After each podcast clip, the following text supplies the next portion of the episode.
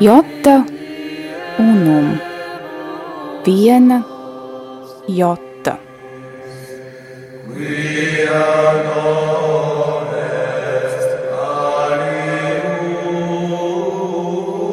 Tradīcija Skaistums, kas paceļas pāri laikam.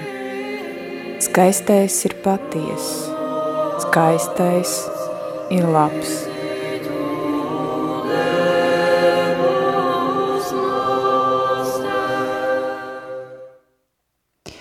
Sveicināti, dārgie radio Marija klausītāji! Mani sauc Marija Podniece. Pie skaņu pults ir mana māsa Ilze. Ar jums kopā ir raidījums Jota Unum. Iepriekšējā raidījumā runājām par Konstantīnu Lielo un maldīgām interpretācijām, kas tiek attiecinātas uz viņu valdīšanas laiku. Šodien runāsim par gavēņa laikam ļoti piemērotu tēmu – Un tā mūsu šī vakara tēma būs krusta pastorāli un mūsdienu cilvēks. Bet pirms ķeramies pie raidījuma tēmas, ieklausīsimies Jēkaba liecībā par tradicionālo latīņu misi. Labdien!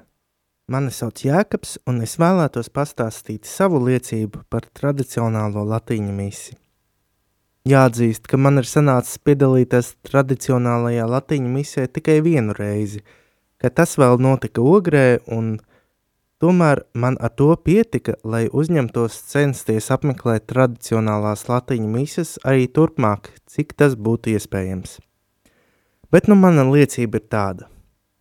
Jau kādu laiku meklēju baznīcu, kas man uzrunātu, attīstītu manī ticību Dievam un mācītu mani lūgties – Esmu apmeklējis arī citu ekumenisko konfesiju dievkalpojumus, bet galvenā lieta, ko es tur saskatu, ir lielākā vai mazākā mērā aicinājums uz kalpošanu, pabūšana kopā, slavēšana, parunāšana par garīgumu, svētrunas, vairāk vai mazāk sagatavotas, bet pa lielam nav nekas, kas liktu man, Jēkabam, attīstīt manas personīgās attiecības ar Dievu. Arī salīdzinot ar citām konfesijām – Man sāk rasties šaubas, ka pat diez vai katoļu mīsas, kādas ierastas svinēt šobaldien, iespējams saprast bez iepriekšējas sagatavotības, kā tas ir kādām modernajām konfesijām, kur nav izteikta liturģiskā forma, kas varbūt ir traucēklis to uztvert cilvēkiem no malas. Manuprāt, dievkalpojumam vai svētajai misai jābūt tādai, lai tā uzrunātu gan cilvēkus, kas jau pazīst Dievu, gan tos, kas kāda aicināta vai citu iemeslu vadīti, varbūt pirmo reizi iepazīst baznīcu un Kristus upuri.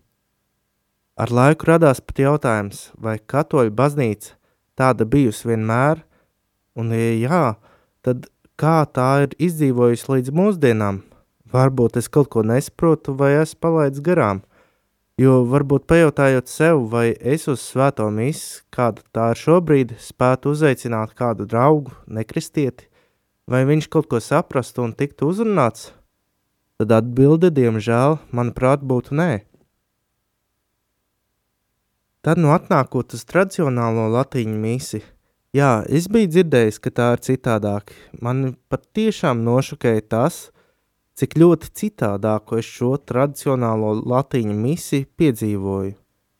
Es to definētu kā nevis, ka es tajā piedalos, bet ka šī mana dalība ir, ka es atnāku uz vietu, kur ir miers, garīgas lūkšanas un dziedājumi, ko jā, varbūt es pat uh, maz ko saprotu, bet caur to es sajūtu Dieva klātbūtni un produktīvu vietu un laiku savai privātajai lūkšanai. Turklāt vienojoties ar sev tik tuvo katolisko baznīcu un saņemot vissvētāko sakramentu kā patiesu Kristus upuri. Patiesībā šajā svētās mīsas formā to tiešām var sajust, kas ir svētās mīsas centrā – Kristus upuris, un visa šī tradicionālā svētā mise ir uz to centrēta. Jā, šādi es saņēmu atbildes uz šiem saviem iepriekš sev uzdotajiem jautājumiem, un es gribētu noslēgt savu liecību ar to, ka nevajadzētu baidīties no šīm dažādajām svēto mīšu formām, kā mēs zinām, bet varbūt daudz nezina, ka katoliskajā baznīcā ir daudz šādu dažādu ritu un formu. Romas katoļu baznīca un jo sevišķi šis otrā Vatikāna koncila rits nav vienīgais pareizais. Tas ir tikai viens no veidiem, kā piedzīvot vienību ar Dievu. Kā jau Eiropas Savienības devīze saka, vienoti dažādībā. Katram no mums ceļš pie Dieva var būt cits, un tomēr tas ir viens Kristus, kas mūs vieno. Amen. Vieno. Paldies Jēkabam par šo dalīšanos un skaisto liecību, bet nu laiks īsam ievadam. Marka evaņģēlija 9. nodaļā lasām šādus vārdus. Tajā laikā Jēzus paņēma sev līdzi Pēteri un Jēkabu un Jāni un aizveda viņus vienu savru paukstā kalnā. Un tur viņš pārveidojās viņu priekšā, un viņa drēbes kļuva mirdzoši baltas, kādas neviens balinātājs virs zemes nespēja izbalināt. Un viņiem parādījās Elīs ar mūzu un sarunājās ar Jēzu. Bet Pēters atbildot sacīja Jēzum, Rabbi, mums ir labi šeit būt. Mēs uzcelsim trīs teltis, vienu tev, vienu mūzumu un vienu Elijam jo viņš nezināja, ko runāt, tā kā viņi bija ļoti izbijušies. Bet kā mēs to zinām no šī un citiem evaņģēlijiem, trīs teltis Tabora kalnā, kurā bija labi būt, tomēr netiek uzceltas. Turpretī Kalvārijas kalnā gan tiek uzslieti trīs krusti. Kādēļ mēs nevaram palikt kalnā, uz kura mums ir labi, bet tā vietā nemitīgi attopamies uz kalna ar krustiem, kur saskaramies ar sāpēm, nevis izjūtam svētlaimi. Cilvēkam ir lielāka kapacitāte uz sāpēm nekā baudām.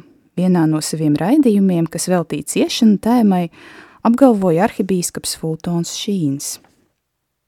Vai tiešām tas tā ir? Un kas tad ir šī krusta pastorāli? Un kā to pieņemt mūsdienu cilvēkam? Tikt galā ar šiem eksistenciāliem jautājumiem mums šovakar palīdzēs Šveices Lugano universitātes profesors, teoloģijas zinātņu doktors, priesteris Andris Marija Jērumanis, ar kuru iepazinos Rīgas augstākajā reliģijas zinātņu institūtā. Viņš ir no tiem pasniedzējiem, kurš ir patiesi atvērts disputiem, gatavs iedziļināties sarežģītos jautājumos un reizē nezaudējot visā šajā procesā laipnību un dzīves prieku. Esiet sveicināts raidījumā Jota Unum. Top slavēts Jēzus Kristus. Prieks būt ar jums un dalīties pārdomās par šo e, tik sarežģīto tēmu. Mēs, kas iesākam tagad e, divnē pēc divām nedēļām svinēsim Kristus augšanas ceļšanos, bet esam iegājuši ar šo svētdienu uh, pasijas laikā, ja, kas krusti tiek uh, liturģiski noklāti ar violeto krāsu, lai mums likt saprast, ka šeit notiek kaut kas ārkārtīgi svarīgi. Redziet, e, Kristus īstenībā nav atstājis pasauli vienu. Mēs nekad nevarētu saprast, kā mums ir jāiet virs šīs zemes ar Kristu, ar, ar, ar Dievu, uh, uz Golgotu. Es gribu, ko es gribu teikt ar to? Aušvicē, ka tik daudz ciešanu priekšā, pat ticīgi cilvēki sāka šaubīties un jautāja, kur tu esi Dievs? Lūk, Jānis Pāvils II kādreiz teica, bet tieši viņš bija klāt tajā tu, it kā tukšumā un tajās ciešanās. Redziet, rakstnieks Pols Klodēls ir rakstījis, ka viņš nav nācis, lai iznīcinātu krustu, bet lai nogultos uz krustu, uz krusta. Un šeit var būt liels noslēpums. Kamī eh, savā romānā eh, par mēriju saka, viņš eh, saceļās pret Dievu, skat, skatoties uz bērnu, kas cieš. Jā, jautājums par kāpēc ir, ir bijis būtiskais jautājums vienmēr, kāpēc man ir jācieš. Un, un to jautājumu gan Jānis Pāvils II, gan visi svētie, un iesāksim pašu apustulu Pāvilu, ir, ir eh, skatījušies un meditējuši par to. Es gribēju tikai pieminēt otro korintiešu vēstuli, 4. nodaļu, 7. panta līdz 12. pantam, kur Pāvils pasaka, ka noslēpums, lai paciestu katras ciešanas, ir ticība Kristus augšām celšanas.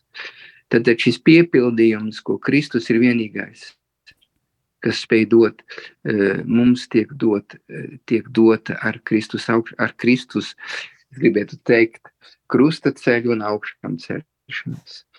Bet mēs vēl esam virs šīs zemes uh, svētcemnieki. Mēs ejam kopā ar Kristu, un viņu, viņš mūs pavada. Viņš ir tas, kas mūs ievada pareizā, garīgā izpratnē par mūsu ciešanām. Savā laikā Nīče teica, filozofs Nīče teica, problēmas vēl nebija ciešanas, bet uh, ciešana nebija nekāda jēga, runājot par savu draugu. Un šo jēgu, kā saka Jānis, Pā, Jānis Pāvils II savā, svētais Jānis Pāvils II savā apustuliskā uh, pamudinājumā par uh, ciešanām, pats uh, to uzrakstījis pēc, savām, pēc sava atentāta, kur viņš pats pārdomāja par savām ciešanām, uh, viņš mums eh, parāda, ka eh, ciešanas ir noslēpums, dziļš noslēpums, kur, kuru noslēpumu Kristus atklāja pakāpeniski kādam, kas ieiet Kristus ticībā, patiesā ticībā. Mums visiem krusts ir nepatīkams. Un mēs visi gribam, kā apustulis Pēteris, teikt Jēzum pēc, pēc šī tābora kalna, vai paliksim šeit labi augšā un dzīvosim, virs šī kalna. Un mēs visi gribam arī teikt ar apustulu Pēteri, nu ne uz Jeruzālēm. Un, un, un mums visiem atskan šie vārdi, atkāpies sātā. Tu nedomā, kā, kā, kā Dievs domā, bet tu domā kā cilvēki. Šeit ir tas paradoks. Nav citas atbildes ciešanā, noslēpumam, kā kristietības atbildē. Mēs varam ņemt to problēmu no visām pusēm, no filozofiskās puses, no citu reliģiju puses, bet tas vienmēr paliks kā neatrisināta problēma. Izejot no kristietības, mēs atrasti, atradīsim e, pareizo skatījumu uz šo lielo noslēpu. Šodien mums vajadzētu atklāt, e, tas nozīmē labo vēsti, evaņģēliju priekš ciešanām. Tas nozīmē to labo vēstu, ko eh, evaņģēlijas dod katram cilvēkam, kas cieš. Ir garīgas ciešanas, ir morāliskas ciešanas, ir ciešanas, kas iziet no grēka, ir ciešanas no bezjēdzīgās dzīves, ir arī ciešanas, protams, ko izraisa fiziskās sāpes. Kā atbildēt uz to? Ja es skatos uz, vispirms uz pašu Jēzus Kristus dzīvi, es sapratīšu, ka es esmu aicināts sekot viņam, un atrast vi, viņā un caur viņu šo galīgo atbildi ši, šī problēmas priekšā. Kāpēc man jācieš? Kāpēc? Jā, bet skeptiķi tad jautātu, kā evaņģēlijas taču ir priecīgā vēsts, un kāpēc Dievs ir tik nežēlīgs, kāpēc viņam vispār ir jāpieļauj ne tikai to, ka mēs ciešam, bet kāpēc Kristum vispār bija jācieš, kāpēc nevarētu būt priecīgs atpestīšanas scenārijs, kurā neviens necieš, un vienkārši mums uh, viss pienākas, nezinu, kaut kādā skaistā un iejūsminošā veidā? Nu, tev te būtu varbūt vairākas atbildes. Nu, iziesim no mūsu eksist, eksistenciālās puses, no, no eksistenciālās puses, no, no, no, no, no ikdienas dzīves. Nav nevienam cilvēkam dzīve bez krusta. Jā. Tad mēs varam pateikt, tas ir tāds uh, eksistenciāls, ko saka filozofija, tas nozīmē, tas mūs pavada. Un, un pēdējās lielās ciešanas ir nāve. Un kas man atbrīvos no, no, no, pēdējām, no, šī, no šī pēdējā jautājuma, kas izraisa milzīgas ciešanas? Tas nozīmē, ka mēs gribētu dzīvot mūžīgo dzīvi un kaut kas pārtrūkst. Un to mēs jūtam, ka mūsu draugi nomirst, ka mūsu vecāki nomirst, jeb ka kāds mūsu priekšā nomirst. Tad es nevaru pateikt, es dzīvošu it kā ciešanas nebūtu. Es dzīvošu it kā Kristus, it kā krusts nebūtu. Tas, būtu, tas nozīmētu, ka uh, es šaubītos par kaut ko, kas ir reāls. Tāpat kā es nevaru šaubīties par to, ka saule spīd, uh, tāpat es nevaru šaubīties, ka dzīve, dzīve ir skaista. Bet tomēr uh, es paskatīšos uh, ap mani un ieskatīšos manā dzīvē un visā vēsturē. Es redzēšu, ka ir milzīga spriedze. Ja? Spriedze un, un, un cīņa starp labo un slikto, un tātad, kas parādās mm, krusta veidā. Krusts tātad nav uh, aizmirstas, aizmirstams. Viņš nav, es viņu nevaru, viņu no, es viņu nevaru nolikt malā. Krustī jautājums ir vienmēr bijis viens, viens pamatjautājums. Ņemsim, piemēram, kā reliģijas uz tā ir atbildējuši. Ja budisms atbildi un saka, tu cieši, tā, tu cieti tāpēc, ka tu vēlies. Mm -hmm. Tad, nevēlies neko. Un tad tu būsi brīvs. Tad uh, tu cieti arī tāpēc, ka ar reinkarnāciju tev jācieš par taviem grēkiem. Tas nozīmē, ka cilvēki ir mēģinājuši saprast, ja, kāpēc ir ciešanas. Un arī Jēzus laikā uh, uzstādīja viņam jautājumu, kāpēc šis bērns ir miris, vai, vai, un Jēzus atbild arī paradoxālā veidā, ja jūs neatgriežaties, ja jūs neatgriezīsieties, jūs arī visi tā nomirsiet. Es domāju, ka, um, Rus, ka Dievs nav atstājis mūs tātad um, Tātad Dievs, kas parādās kristietībā, nav Dievs, kas, kuram neinteresē mūsu liktenis, bet viņš iet kopā ar mums. Un, protams, tas paliks viens liels noslēpums, bet viņš iet kopā ar mums. Kā, kas ir tas Dievs, kas ir tālu paslēpts? Aristotelu Dievs, pirmais motors, kurš īstenībā nekad neinteresējās par cilvēku. Es viņu varu aizmirst, es varu pat sacelties pret viņu. Bet šeit Dievs ienāk manā vēsturē, pasaules vēsturē, un viņš tā man blakus, viņš ir man klāt. Īstenībā viņš, viņš ir kā tas labais samarietis, kas stāv man klāt un man palīdz palikt eh, stāvot. Pirms dažām dienām biju klosterī Enzītenē, kas ir tāds šveicis benedītieniešu slavens klosters, šveicis sirds, un tur abats, tēvs abats eh, skaidroja, tur arī skolas, visiem skolniekiem, ja 300 skolnieki, viņš viņiem skaidroja, redziet, Benedikts gribēja nomirt stāvoši. Viņš negribēja nomirt savā gultā, viņš gribēja stāvoši nomirt, un viņš lūdza mā, mūkiem viņu paturēt, jo viņš gribēja stāvēt un būt ap, viņš uh, ar pilnīgu apziņu gribēja satikt savu kungu. Un tas uh, abats skaidro visiem tiem jauniešiem, tā jūs saprotiet, ka mēs nevaram palikt kā cilvēka būtnes un ar savu cieņu bez citiem. Kristietība tad, tad ne tikai dod mums jēgu caur Jēzus Kristus dzīvi un, un atklāja, kā mēs esam vienoti ar Jēzus Kristus ciešanām, kā Apostols Pāvils to saka, bet viņš mums atklāja, kā mēs nesam, kā mēs krustu kopā ar pārējiem nesam. Tāpat ir viens uh, sīmenis kirenietis, kas tiek mums dots. Es domāju, ka eh, kristietība arī no filozofiskās puses atklāja mums tādu, tādu vīziju, nu, es gribētu tiešām jautāt, vai jums ir kāda cita atbilde? Pasaulīgam garam, vai jums ir kāda cita atbilde? Ciešanu priekšā un nāves priekšā.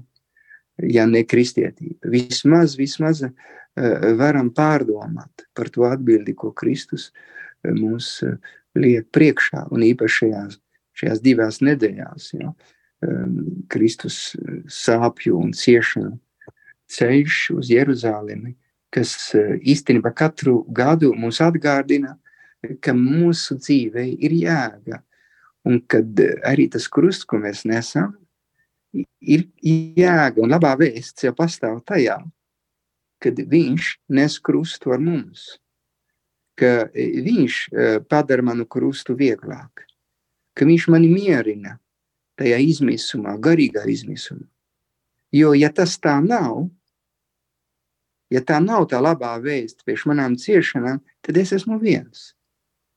tad ko es meklēšu? Es meklēšu aizmirstā ciešanas, es mēģināšu pieprasīt eutanāziju, es pieprasīšu eh, pašnāvību, pa, palīdzēt to pašnāvību. Es, pa, es, es lūkšu, lai sabiedrība vienkārši man, man iedod zāles, lai es nebūtu, nebūtu eh, satraukts par šo pēdējo brīdi vai, manās, vai tajās ciešanās, ko es atrodos. Tad, tad varbūt vislielākais eh, kārdinājums, tas ir sātana kārdinājums pašam Jēzum, nu ne, nu ne uz Jeruzalemi, caur Pētera muti. Un īstenībā dzīvosim, dzīvosim tādā sabiedrībā, kur it kā uh, nav krusta. Un tā būs edonistiskā sabiedrība, vai tā būs sabiedrība, kur pateiks, nu, upurē aizmirsti, ka tu esi personīga būtne, upurē sevi priekš visiem un tava dzīve neko, ne, nekam nedara. Tu vari mirsti. Dzīvos, dzīvos tā, tā ideja, par kuru tu mirsti. Tas būs tad divas galējības un nepareizas atbildes. Es, es, es domāju, ka uh, ir vērts ieklausīties. Es biju, uh, pirms, kad esmu priestis, biju ārsts. Jā, un, un, un simtnicā strādājot un redzot tos cilvēkus, uh, kas, kas cieši es sapratu, ka ir vēl viena atbilde, ko ārsts nevar dot. Ka ir, ir vēl viena dziedināšana, kas ir nepieciešama. Un, un tad sapratu, ka to tikai Kristus var dot. To atbildi. Un, un, un tā ir kolosāla atbilde. Jo, jo tā ir vispilnīgākā atbilde. Un, un tā apvieno debesis un zemi, tā apvieno mūsu ikdienas dzīvi ar garīgo dzīvi. Nav no vienas puses garīgā dzīve, Un tad es pateiktu, nu, tavas ciešanas tas nav nekas, tu tikai lūdzies. Jeb eh, kristīgā atbilde viņ, viņa būs, viņa tev dos garīgu un jēgu, viņa dos tavai dzīvei un ar tavai nāvei. Bet viņa tajā pašā reizē uh, aicinās tuviniekus ap tevi un palīdzēs. Tev neatstās vienu. Katrs kristietis ir aicināts kļūt par labo samarieti. Šeit divas dimensijas kristietība ir vertikālā un horizontālā dimensija, ko mēs nevaram atdalīt. Un tieši nāves priekšā, kā mēs atbildēsim uz nāvi, šeit mēs, vai uz ciešanām, uz cilvēku ciešanām, parādīsies kristietības būtība un skaistums. Jūs ievadā runājāt par to skaistumu, par mūžīgo skaistumu. Bet Ansūs un Baldazārs, slavens teologs, teica kādreiz, redziet, krusta priekšā uh, pazūd cilvēcīga, cilvēcīgā estētika un atklājās dievišķā estētika. Tas nozīmē, ka runāja par Kristus krustu. Mm. Un šī dievišķā estētika, viņš to raksturoja ar to mīlestības noslēpumu, kas parādās krustā. Jo, jo vienīgais, kas, kas dod tādu jēgu krustam, ir, ir upurēta dzīve par citiem. Jā, tieši Kristus... tā, bet mums tas mazliet pietrūkst tajā mūsdienu sabiedrībā, un šajā brīdī varbūt pārtrauksim mūsu sarunu uz īsu muzikālo pauzi, bet pēc tam turpināsim ar to, kā mums, kā mūsdienu cilvēkiem iet ar visu šo, man šķiet, ka ne īpaši, bet to pēc pauzes. Divus es we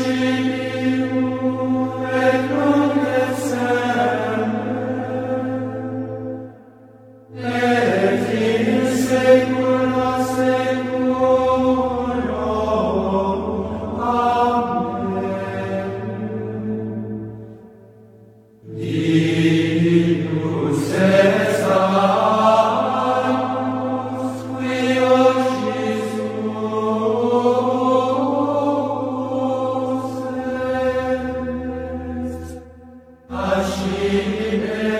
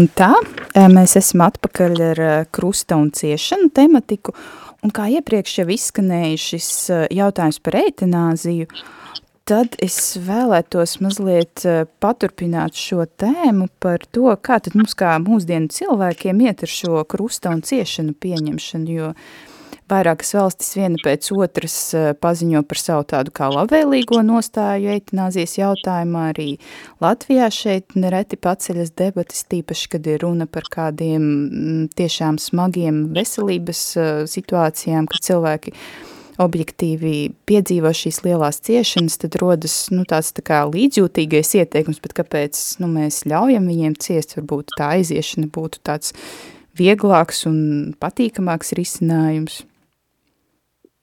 Lūk, ko nozīmē eutanāzija. Eutanāzija nozīmē eh, nomirt labi. Jā. Un nekad eh, eutanāzija nebija saprast, izprasta tā, kā mēs šodien viņu saprotam. Tas nozīmē pātrināt nāvi, lai tas otrais cilvēks neciestu. Mm. Tas ir pagrieziens, kas notic ar moderno laikmetu, kur cilvēks uh, vairs nespēja saprast nāvi, kā, kā, kā dzīvot šo pēdējo posmu. Jo īstenībā tu, tu nomirsi, kā tu esi dzīvojis, kā teica kāds filozofs. Tu nomirsi, kā tu esi dzīvojis. Un ja tu dzīvojis ar bezjēdzīgi, tavai nāvei un pēdējiem brīdim viņš ir tukšs, viņa tāds, tāds tukšs moments, un tu vairs nevar paciest. Tu, tā kā mēs dzīvojam šodien tādā bez meta, metafizikas, un, un tas nozīmē īpaši sekularizētā pasaulē šeit, Eh, kur, kur nav šis uh, transcendents izjūta vai izkopšana. Mēs vairs nesaprotam, ko nozīmē viduslaikos, piemēram, ars moriendi. Tas nozīmē mākslas, mā, nomir, mākslas, eh, no, nomiršanas māksla, ja? kur visa ģimene, visi pavadīja cilvēkus, un tas bija tāds pārēj posms.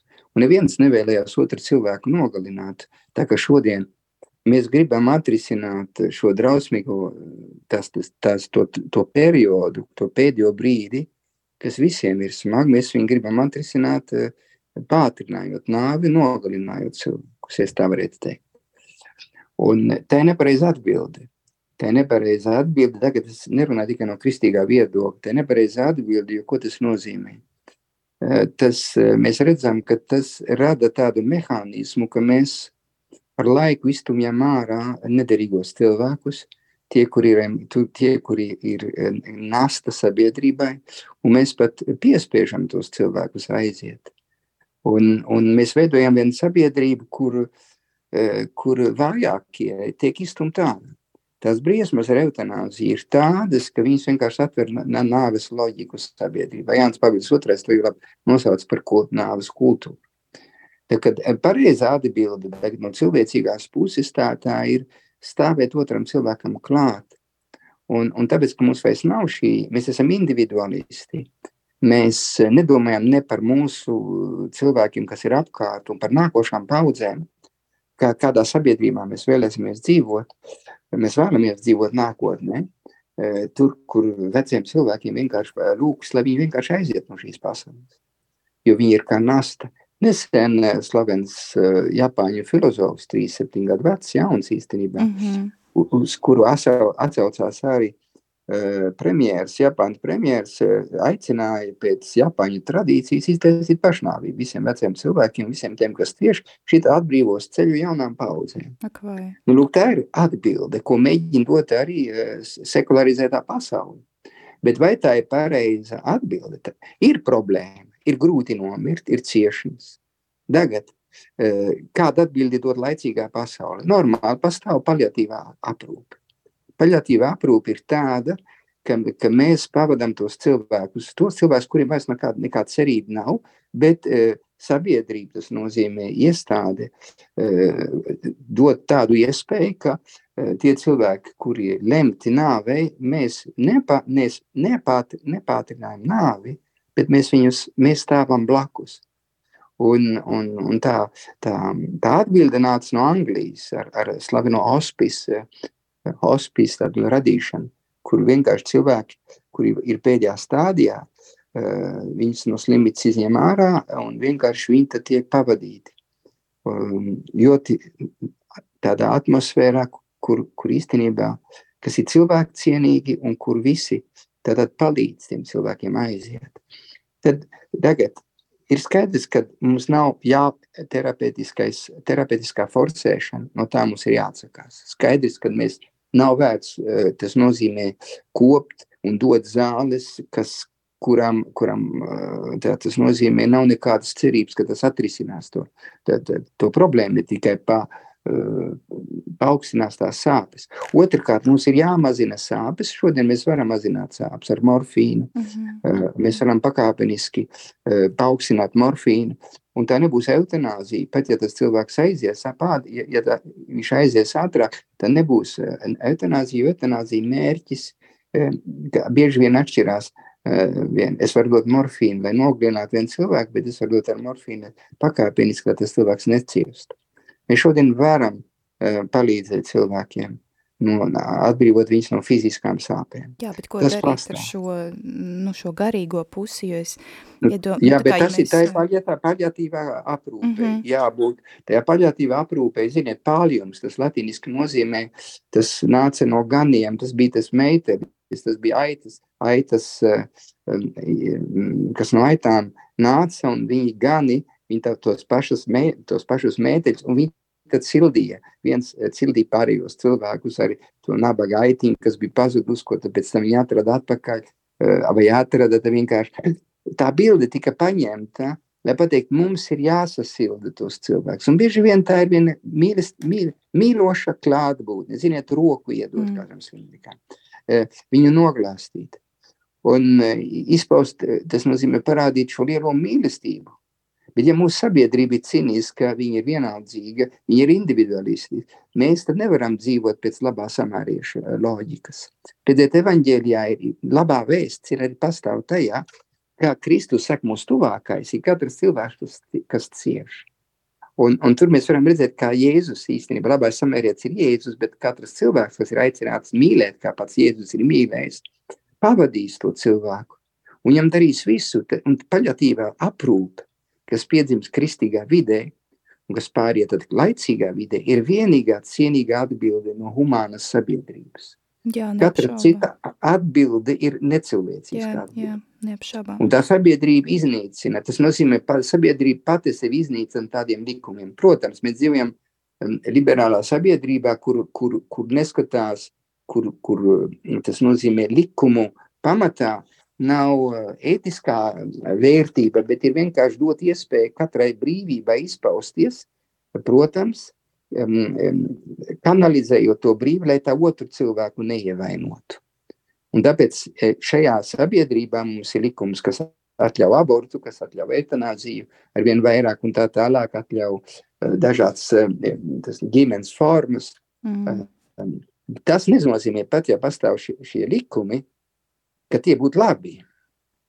Tur jāsaprot, ar, ar, ar Toms, svētais Toms jau ar teica, ir, ir likumi, bet ne jau viņi, ne, ne viņi vienmēr, tie civilie likumi, viņi, ir, viņi atbilst uh, ētiskai vērtībai, un tas mums ir jāsaprot.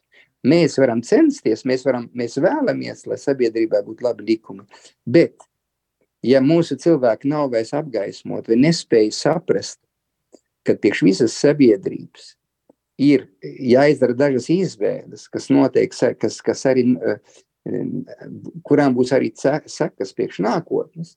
Tā kā Jānis Pāvils II to teica, ir tādi likumi, kas vienkārši eh, pakāpeniski veido tādu nāves kultūru un iznīcina pašu demokrātiju, eh, kas tos likumus pieļauj. Un to mēs kā kritiski, kā pravietiski varam skatīties uz šo sabiedrību. Un mums, kā baznīcai, mums jāmēģina pārliecināt pārliecināt kristiešus, lai viņi paši neizmanto tos likumus, to iespēju, ko dod tas likums, un mums ir jāpalīdz cilvēkiem, lai viņi to saprastu. Un mums viņam jāstāv klāt, lai tie cilvēki, kas atrodas izmisumā, vai tā būtu māte, kas gaida bērnu, kas to nevēlas, vai tas cilvēks, kas ir pamests un kurš gribētu iztaisīt pašnāvību, vai kas prasa eutanāziju, lai viņš to nedarītu. Jā, un, ja, jo, jā ja mēs kā kristieši būsim patiešām tā sabiedrības sirds, mēs iedosim to, to, to, to vairāk, to, to, to, to izcīlību, ko šī sabiedrība es nespēju dot. Jo viņi ir attālinājusies no Dieva, un viņi ir attālinājusies, attālinājusies arī no, no, no, no krusta mācības, ja, no krusta loģikas. un tad vairs nespēja stāvēt klāt vienam mirušam cilvēkam, un visa mūsu sabiedrība, visas, visas mūsu ģimenes vairs nav spējīgas mūsu slimos cilvēkus uh, pavadīt. Un arī sabiedrībā mums nav nekas. Uh, Latvijā pietrūkst veco ļaužu mītnes, pietrūkst paļatīvā aprūpe. Tas viss ir jāattīst. Te pie te ļoti liela problēma, tie pietrūks nauda, bet uh, tajā virzienā ir jāiet. Un, un baznīca un kristiešiem būtu tieši jāveido tādas struktūras un jādomā, kā to izdarīt. Jā, tieši tā, bet tagad varbūt pāriesim uz šo individuālo līmeni. Mēs tikko apskatījām sabiedrības līmeni, apskatījām klātbūtnes šo nepieciešamību, bet ko teikt šajā intelektuālajā līmenī? Ko teikt konkrētam cilvēkam, kas cieši?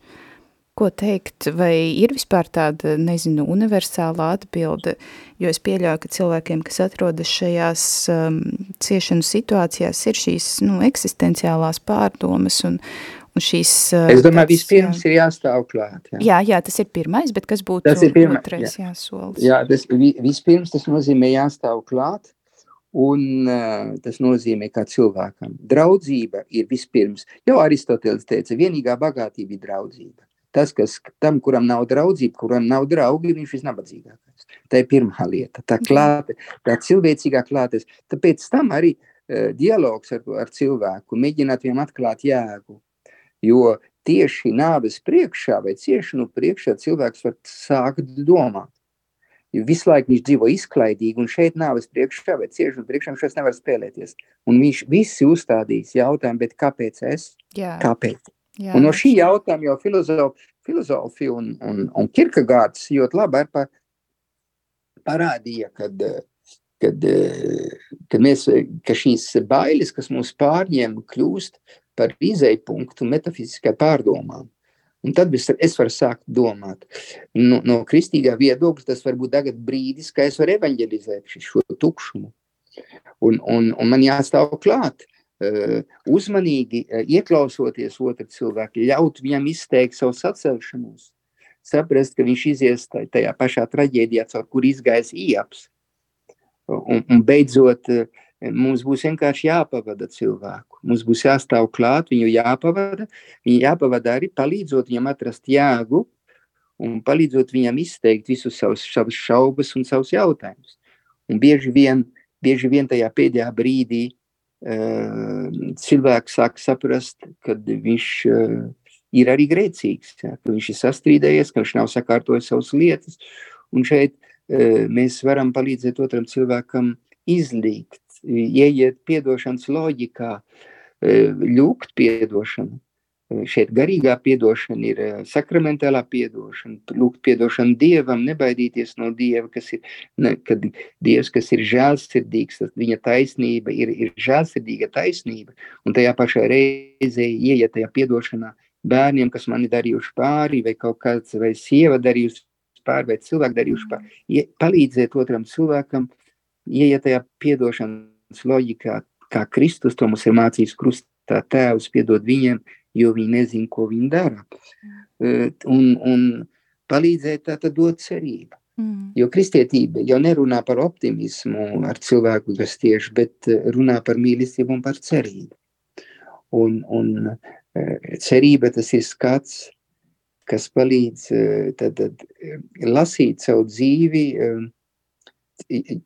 pilnīgi jaunā horizontā. Un, un varbūt, un es esmu drošs, kad e, tajā brīdī mēs esam visatvērtāki. Protams, ir cilvēki, kas saceļās. Un ir cilvēki, kas saceļās, bet tie cilvēki, pat, kas saceļās, viņi visi sapratīs, ko nozīmē mīlestības, mīles, mīļoša klāte es, esamība. Mm -hmm. Kāda roka, kāds glāsts. Un, bet parasti visas pietrūkst medmāsiņas, pietrūkst e, arī pat garīga aprūpe, pietrūkst cilvēku pastorālā pavadība slimnīcās, un šeit mums liels uh, lauks ir. Kā stāvēt klāt un nepamest mūsdienas Golgotu, kā tik daudz pameta Jēzu pie krusta, kas palika tie cilvēki, tie, tie kas mīlēja. Dārgās sievietes, kas mīlēja Marija un, un Magdalēnu un kādas vēl, un Jānis. Un pārējie aizmuka.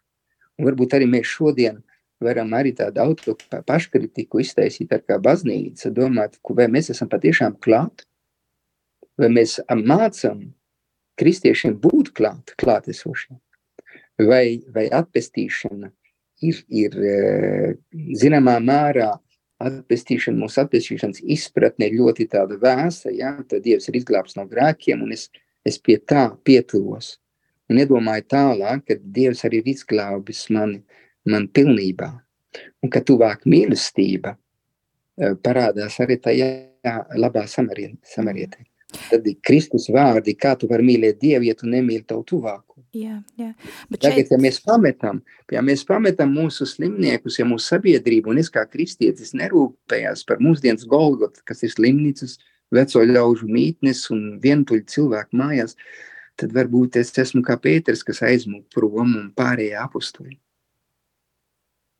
Jā, tas tā paškritika, mm, jā, jā, jā, jā sevi. nē, nē, tieši tā, tas attiecas uz ikvienu no mums, jo šķiet no svētuma mēs visi esam ļoti tālu. Uh, un Nē, un tāpēc, ka mūsu jā. ģimenē mums visiem ir Jā, jā, tuvākais tieši brālis tā, un jā, jā, māsa. tie ir mūsu tuvākie, jā, principā mēs katrs zinām kādu, kurš cieš. Un ko jūs ieteiktu kādam varbūt klausītājiem, kas klausās šo raidījumu, viņš atrodas pats šajā ciešanu, nezinu, atmosfērā, viņam pašam ir šīs grūtības, vai nu emocionāls, vai fiziskas, kā viņš Es var domāju, es, veltīt, es- jā, tā kā šīs ciešanas nu, varbūt Dievam.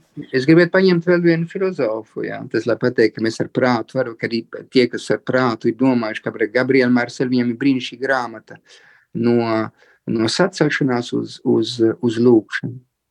Viņš saka, īstenībā tev nav izvēles, vai tu sacelies, vai tu sāc lūgties. Mm. Uh, du refus à l'invocation. Nu, tas tā tulkošana, tas būtu no noliekšanas uz, uz invokāciju, uz pacelšanu. Mm. Sāc lūgties, sāc strīdēties ar kungu. Protams, sāk runāt, uzstāt jautājumus, bet kāpēc man? Runā atklāti. Mm. Izsaki tavus, tavus ciešanas ar kungu, bet sāc runāt ar viņu. Un tad notiksies kaut kas, viens process, būs pārsteidzošs, jo viņš iejauksies tavā dzīvē. Kungs iejaukšies, jo es tagad kā ticīgs cilvēks runā, viņš nevienu no mums neatstāv vienu. Bet mums tikai vienkārši jāatver tās durvis, ko varbūt visu mūsu dzīves laiku mēs esam aizvēruši. Ja vienkārši nav ļāvu, mēs nesam ļāvuši viņam ienākt iekšā mūsu dzīvēm, tāpēc, ka mēs baidījāmies. Ja mēs bijām izklaidīgi, bet, bet viņš jau vienmēr stāv pie mūsu durvīm un klauvē sirds durvīm. Un ciešanas un ir vienkārši tas, tās, tās atslēgas, ar kurām viņš var ienākt mūsu dzīvē. Un šī, ne, šīs divas nedēļas viņas ir brīnišķīgas no, no, no, no cilvēcīgās puses, arī no garīgās puses. Jo te jau eh, mēs, mums jāapvieno šīs divas dimensijas, ja vertikālā un horizontālā. Dievs ir klātesošs manām ciešanām, bet viņš viņus paceļ un iedod garīgo nozīmi. Un viņš vienkārši mūs izglāba arī no, no tam eh, ciešanu saknēm, kas pēc būtības ir, ir mūsu grēks. Īsti- Kā mēs to varam griezt, kā mēs gribam, bet eh, tas jau arī grēks, ka mēs nepaļaujamies. Tas jau ir grēks, ka mēs saceļamies. Tas jau ir grēks, ka mēs nesam atvēruši tās durvis visu mūsu dzīvi. Tas jau arī grēks īstenībā. Un tas vienkārši eh, tā aizmirsam, ka mēs esam spiritus inkarnātus, jā. Eh, ka mēs nesam piekopuši pietiekoši garu. Un, un, un, un tad piepēš, piepēš, tad, kad tas kā miesa sabrūk, ja garas nav, nu, kas tad no manis paliek? Tad jau ir tukšums, tad ir tīrais nihilisms, un tad ir nāve, un tā ir elle. Bet kas man izglābs no elles? No eksistenciālās elles, bet arī no garīgās elles. Jo šeit viens liels noslēpums, jā, tā ir cīņa starp debesīm un zemi par manu dvēseli, par mūžīgo dzīvi. Tā kā mēs, mēs nevaram atdalīt visu šīs divas. Te, te nav tagad es runāju tikai par miesu, vai es tagad runāju tikai par debesīm. Kristietība ir tā, tas, tā, tā, tā, tā sintēze, ko Kristus pats ir mūsu priekšā dzīvojis. Viņš apvieno debesu mīlestību, to dieva mīlestību ar cilvēku mīlestību. Tu nevari teikt, ka tu dievi, zi- mīli Dievu, ja tu nemīli tavu tuvāko. Un, un īstenībā jautājums ir, vai tu vari mīlēt tavu tuvāko, ja tu nemīli Dievu.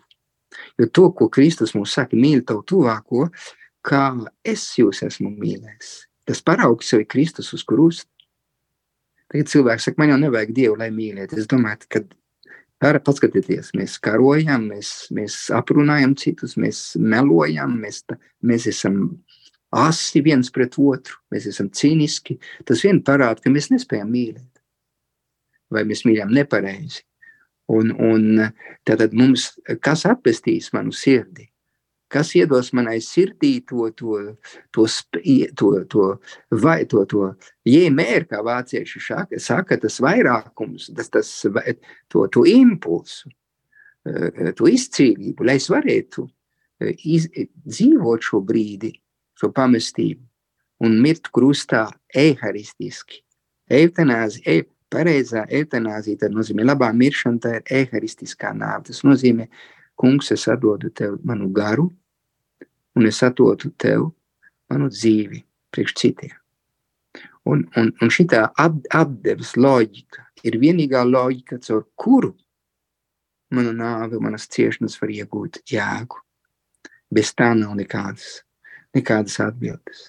Protams, tas ir noslēpums, tas ir ceļš, un tas prasa nobriedumu, bet tieši tāpēc mums, mums ir jāpalīdz viens otram. Tieši tāpēc arī baznīca, tieši tāpēc arī kopiena. Un, un šīs divas nedēļas, kas mums ir starp šodienu, šo svētdienu un lieldienām, un tad ir trīdum, lieldienu trīdums, kas, kas īstenībā ir, ir piepildījums mūsu dzīvē. Un ir skaisti būt par kristieti. Atrodiet citu atbildi mūsu dzīvē. Kas man atpestīs no, no, no, no manām sāpēm, no manām bailēm un no nāves bailēm, saka apustulis Pāvils. Bet kas man atpestīs no tā?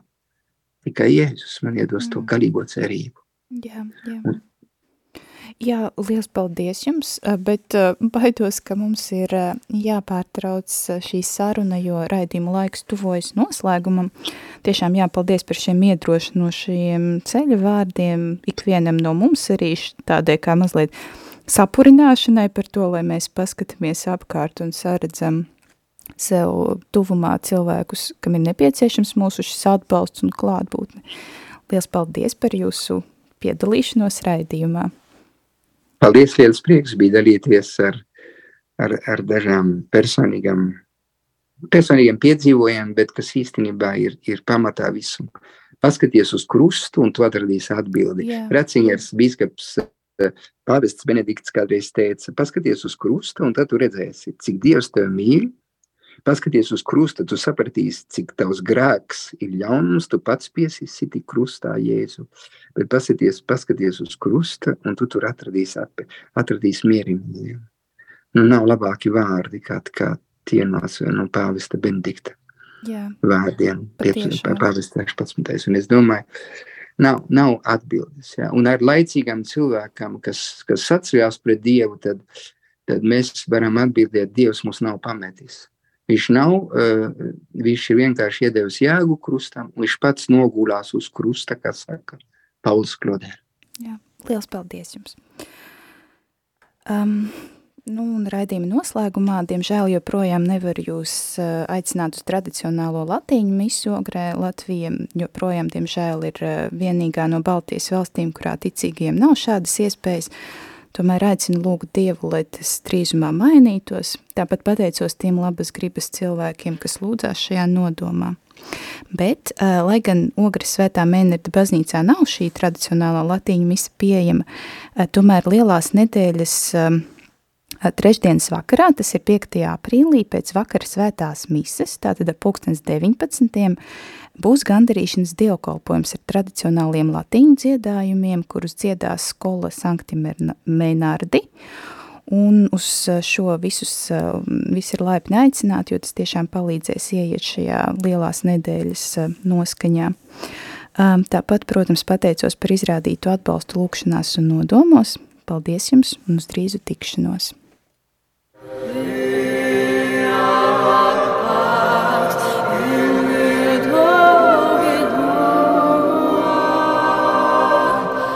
Raidījums Jota Unum ir izskanējis.